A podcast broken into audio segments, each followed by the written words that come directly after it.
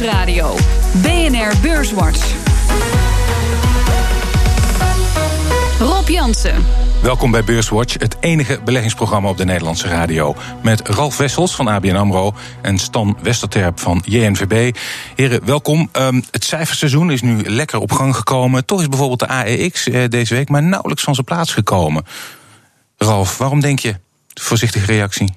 Nou, ik denk dat de verwachtingen voor de bedrijfscijfers misschien heel hoog waren. En de bedrijven op zich wel goede cijfers hebben gerapporteerd, maar niet enorm heel veel sterker.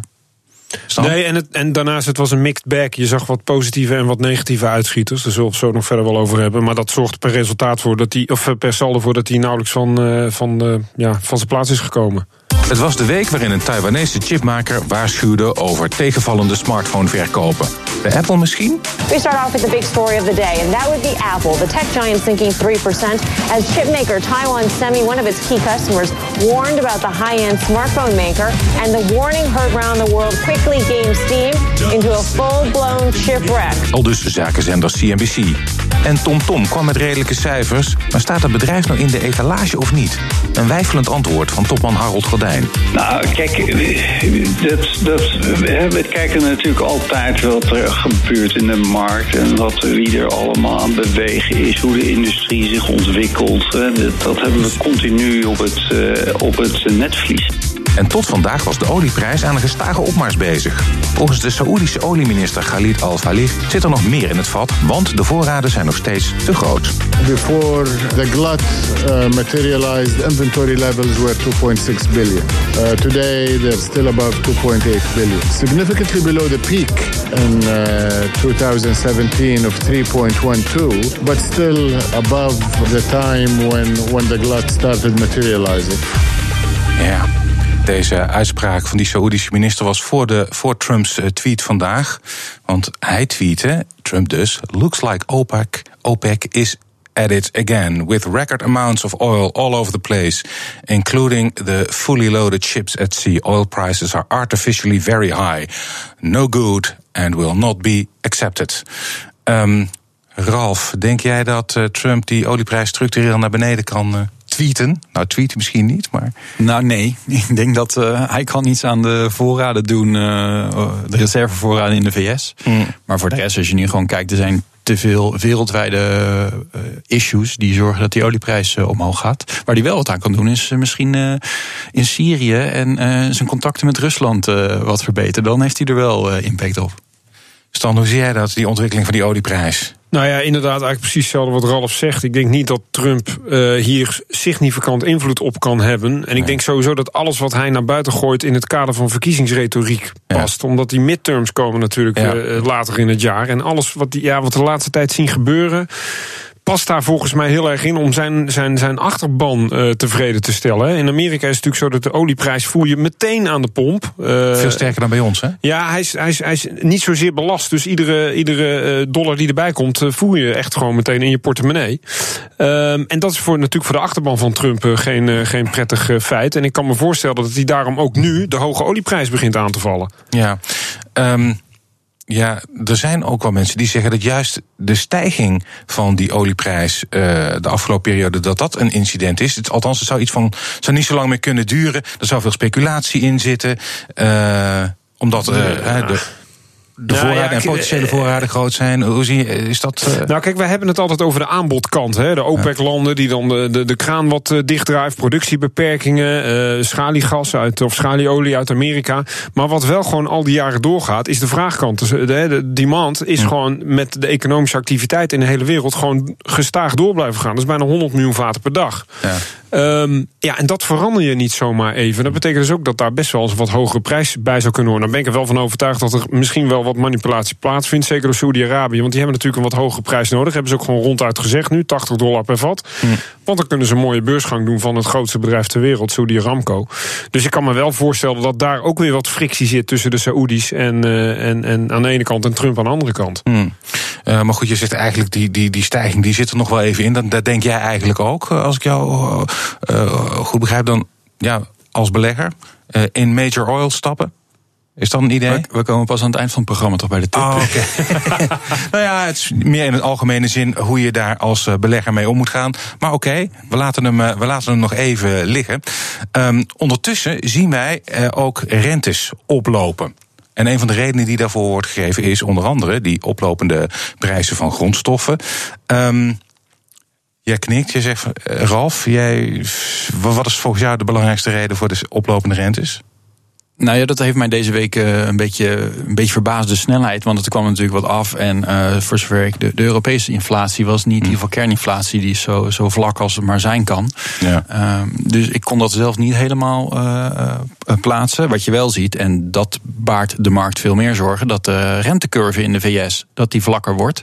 Mm. En als we, even om dat uit te leggen, in principe heb je een oplopende rentecurve. Lange rente is hoger dan lage rente. En als die vlak wordt en zelfs geïnverteerd, dus dat de korte de rente hoger is, dat signaleert een aankomende recessie. En als we nu, als de lange rente in Amerika rond de 3% blijft. En de Fed blijft volgens verwachtingen verhogen, dan kan die misschien geïnverteerd raken. En dan gaan we dus, dan zou die dus een recessie in prijs of aangeven. En dat duurt dan nog weer een paar kwartalen. Uh, en daar zit de markt heel erg uh, naar te kijken. En, en dat boezemt wat angst in. Bij jou ook, Stan? Uh, ja, nou ja, kijk, sowieso oplopende rente is natuurlijk niet goed voor, uh, voor beleggers. Het gaat alleen om de snelheid waarmee dat uh, gebeurt. Mm. nou is het wel zo dat de, de 10 years treasuries, de lange rente waar Ralf het inderdaad over heeft, dat die toch richting de 3% weer beginnen te kruipen. En die mm. niveaus hebben we eerder dit jaar gezien. En toen was er toch wel een beetje paniek op de beurzen. en dat zie je nu ook wel, wel een ja. beetje terugkomen. Maar goed, dan zeg je recessie-indicator. Um, ja, dan uh, moeten we wel wachten tot het. Eerst moet de vet dan gaan verhogen. Dan moet ja. ook de lange rente uh, uh, zo blijven. Want uiteindelijk is het zo. Ik geloof meer dat als inflatie gaat toenemen. dan zal de lange rente gaan stijgen. Ja. En als de inflatie niet gaat toenemen. dan zal de vet minder agressief verhogen. Hmm.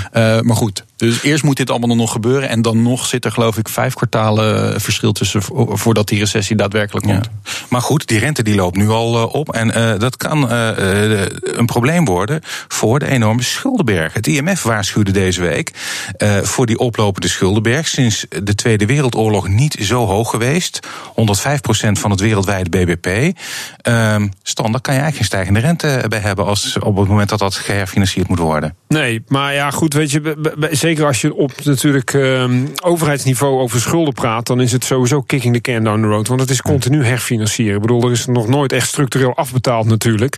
Nee, en uiteindelijk... maar ik kan, ik kan, me voorstellen dat als rentelasten gaan oplopen, dat het dan ja, gewoon ja, dan, dan, en de begroting dan, dan gaat drukt dat op je begroting, absoluut. Dat doet pijn. Dus vandaar dat er, ja, het is ook een hele moeilijke situatie wat dat betreft dat de centrale bank in zit. Want alles wat ze te veel verhogen, krijgen ze uiteindelijk natuurlijk vanzelf weer terug. Maar ze moeten toch ook wel op enige manier op de rem kunnen trappen een beetje. Op het moment dat de economie uh, uh, ja, zeg maar in, in, in, te snel doorontwikkeld. Dus het zijn hele moeilijke communicerende vaten om daar duidelijk grip op te krijgen. Ik zou ook niet graag een centrale bankier zijn in deze tijd. Want het is gewoon echt, echt een lastig uh, vraagstuk hoe je inderdaad met dat rentedilemma omgaat.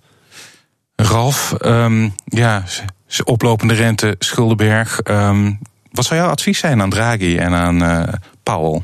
Nou, Draghi heeft het wat dat betreft nog makkelijk. Uh, Powell, uh, wat serieus lastig is, als je uh, nadenkt, dan. ik dacht trouwens dat de IMF zei 225% van het. GDP. Ja, ik, ja, goed, maar is dat, staat, is dat staatsschuld of uh, doet, alle schulden? Ja, doet er voor de rest niet toe. Uiteindelijk, ja. ik denk dat uh, door die schuldenberg de rente niet ho hoger kan. Ja. En hoe kan je schuld uh, oplossen? Door inflatie hoog te houden en het weg te infleren. Het is alleen wel, als dat gebeurt, dan hebben we wel een heel groot probleem in de obligatiemarkt. Ja, er zijn verschillende ja. mogen uiteindelijk afstempelen. Dat is natuurlijk het minst populaire uh, keuze. Maar dat is in de geschiedenis wel vaker gebeurd als het te veel wordt opgeblazen. En de ook van zogenaamd gerenommeerde landen. ook van zogenaamd gerenommeerde landen. Inderdaad, dan kan je het allerlei vormen gieten. Maar inderdaad, inflatie is de meest vriendelijke manier om schulden in een, in een, in een betere verhouding te krijgen. Ja. Zometeen praten we verder over beurs en economie. Onder andere over de cijfers van Unilever en Heineken. BNR Nieuwsradio. BNR Beurswatch. We bespreken de belangrijkste kwartaalcijfers van deze week. Dat doe ik met Ralf Wessels van ABN AMRO en Stan Wesselterp van JNVB. Maar eerst maken we natuurlijk de balans op van afgelopen week. De AEX die sloot op 550,4 punten. En dat is 0,4% hoger dan vorige week. Stijgers. De grootste stijger afgelopen week was Altis met een plus van 9,3% over een week. ArcelorMittal kreeg er 7,2% bij. En Vopak staat op de derde plek met een plus van 4,3% De grootste stijger in de midcap, dat was Apera met een plus van 6,9 procent. Dalers. De grootste daler was ASML met een min van 5,6 procent. Op nummer 2 Galapagos met een min van 4,9 procent. En op de derde plek niet Unilever, maar KPN op het nippertje met een min van 2,5 procent. En in de midcap was ASMI de grootste daler met een min van 12,9 procent. En de AEX is deze week drie van de vijf handelsdagen lager gesloten.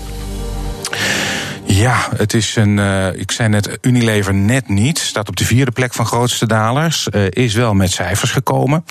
Onderliggende omzet 3,4% opgeschroefd. Maar als je het verlies van de dollar meeweegt, dan uh, daalde het toch weer. Uh, Stan, was je tevreden over de cijfers? Beleggers niet zo heel erg. Uh, nou ja, kijk, 3,4% onderliggende omzetgroei was goed. Het, ze doen het ook iets beter dan bijvoorbeeld concurrent als Nestlé... die op dezelfde dag met cijfers uh, kwam.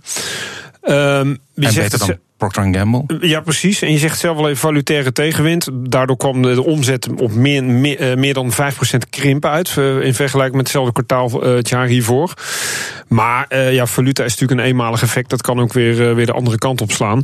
Um, ik denk onderliggend dat Unilever laat zien dat het een robuust sterk bedrijf is. Dat nog aardig wat groei heeft. Zeker natuurlijk in Asia-Pacific regio. Groeit iets harder dan de concurrenten. En wat positief was voor aandeelhouders. Om die, zeg maar die positieve boodschap kracht bij te zetten door het management. werd het dividend met 8% verhoogd. En het geld dat ze uit de spreads-divisie halen. Het meeste daarvan wordt gebruikt voor inkoop eigen aandelen. Dus er wordt ook wel degelijk aan mm. aandeelhouders nu gedacht. Mm. Dat maakt het helemaal vreemd dat, uh, dat er zo lauw op wordt gereageerd, Ralf. Of uh, zie jij nog wel wat minpuntjes? Nee, ik heb niks toe te voegen. Eigenlijk, sorry. Uh, dat is precies hetzelfde verhaal. Ja. En, ja, soms kan je een, een beursverklaring of een beursreactie niet altijd verklaren. Het kan nee. ook zo zijn van nou, het, het nieuws is daar, ja. verkoop het. Ja, precies. Misschien ingeprijsd noemen de, noemen de specialisten dat. We gaan meteen door naar Heineken, want daar speelde ook wel iets met de dollar. Um, op zich, ja, prima cijfers. Ja, dat mogen jullie beoordelen. De, de, mooie dagen die we nu buiten hebben, die zitten hier nog niet in. Want dat is natuurlijk ook altijd goed voor de bierverkoop. Maar goed, als je kijkt naar volumes, wel meer bier verkocht in het eerste kwartaal. Alleen Europa en Nederland vielen tegen, Ralf. Ja, daar, daar zat het in. Ja. Ik moet trouwens altijd wel zeggen, mensen zeggen die, als het over Heineken gaat, beginnen ze altijd over het mooie weer. Het is een internationaal bedrijf. Ja. En het, de zon schijnt altijd overal en op sommige plekken ook weer niet. Dus dat, dat is natuurlijk niet alleen maar gerelateerd aan de Nederlandse zomer. Uh, maar de, de problemen zaten in Europa, want voor de rest uh, was, het, was het gewoon goed. en dat, betekent dat als het hier mooi weer is, dat ze dan helemaal uh, mooi in de lift zitten, nou, toch? Wat je gewoon ziet bij veel voedingsmiddelenbedrijven, mm -hmm. dat het Pasen uh, valt dit jaar anders dan vorig jaar. Uh, en, en, dat zag je bijvoorbeeld ook bij de voedingsmiddelen. Uh, de, de, inkopen voor Pasen waren dan weer goed. Maar dan zat de tweede week na Pasen, dat is een mindere week. Die zat weer in het tweede kwartaal. En bij Heineken zag je gewoon Pasen was vroeg en het was nog koud. en dat speelde, ja, dat, dat, dat was nadelig voor ze. Maar voor de rest sterker en beter dan verwachte biervolumes. Of groei daarvan. Ja. Mee eens? Ja, onderaan de streep was de, de, de winst oké, okay, maar het gaat inderdaad over de autonome uh, omzetgroei, zeg maar. En inderdaad, Europa weet wel lange valt tegen, viel dit keer nog iets meer tegen dan verwacht ook. Uh, maar ook hier in de regio Asia-Pacific, de Americas, zoals ze dat bij uh, Heineken noemen, zit voldoende groei in, ook naar de toekomst toe, om daar toch wel met een ja, positieve blik naar te kijken. Hmm. En als je het dan moet afzetten tegen concurrenten, nou, eigenlijk hebben zij echt er zijn drie grote spelers. Drie Carlsberg, twee Heineken, één AB InBev. Ja, by far. Ja, ja uh, Ralf, wie is jouw favoriet van die drie? Of heb je die niet echt? Mijn vader heeft 40 jaar bij Heineken gewerkt, dus dat is een, is een simpele vraag. Oké, nou, dan, ga ik, dan ga ik voor de nummer 1. En dat heeft ook met name te maken vanwege hun positie in China. Waar Heineken echt, echt substantieel ja, onder de maat presteert. Omdat ze minder dan 1%.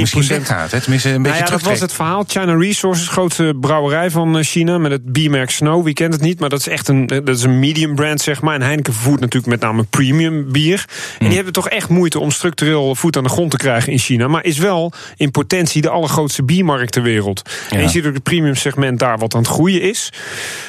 Maar toch hebben ze het ontzettend lastig. Dus als je kijkt naar groei in emerging markets, dan denk ik dat AB InBev daar nog meer mogelijkheden heeft op dit Hmm. moment. Dat is ook de mening van mijn uh, aandelencollega. Dus, uh, um, we hoorden al aan het begin van de uitzending het nodige over de chipindustrie. Kregen zware klappen uh, de, deze week.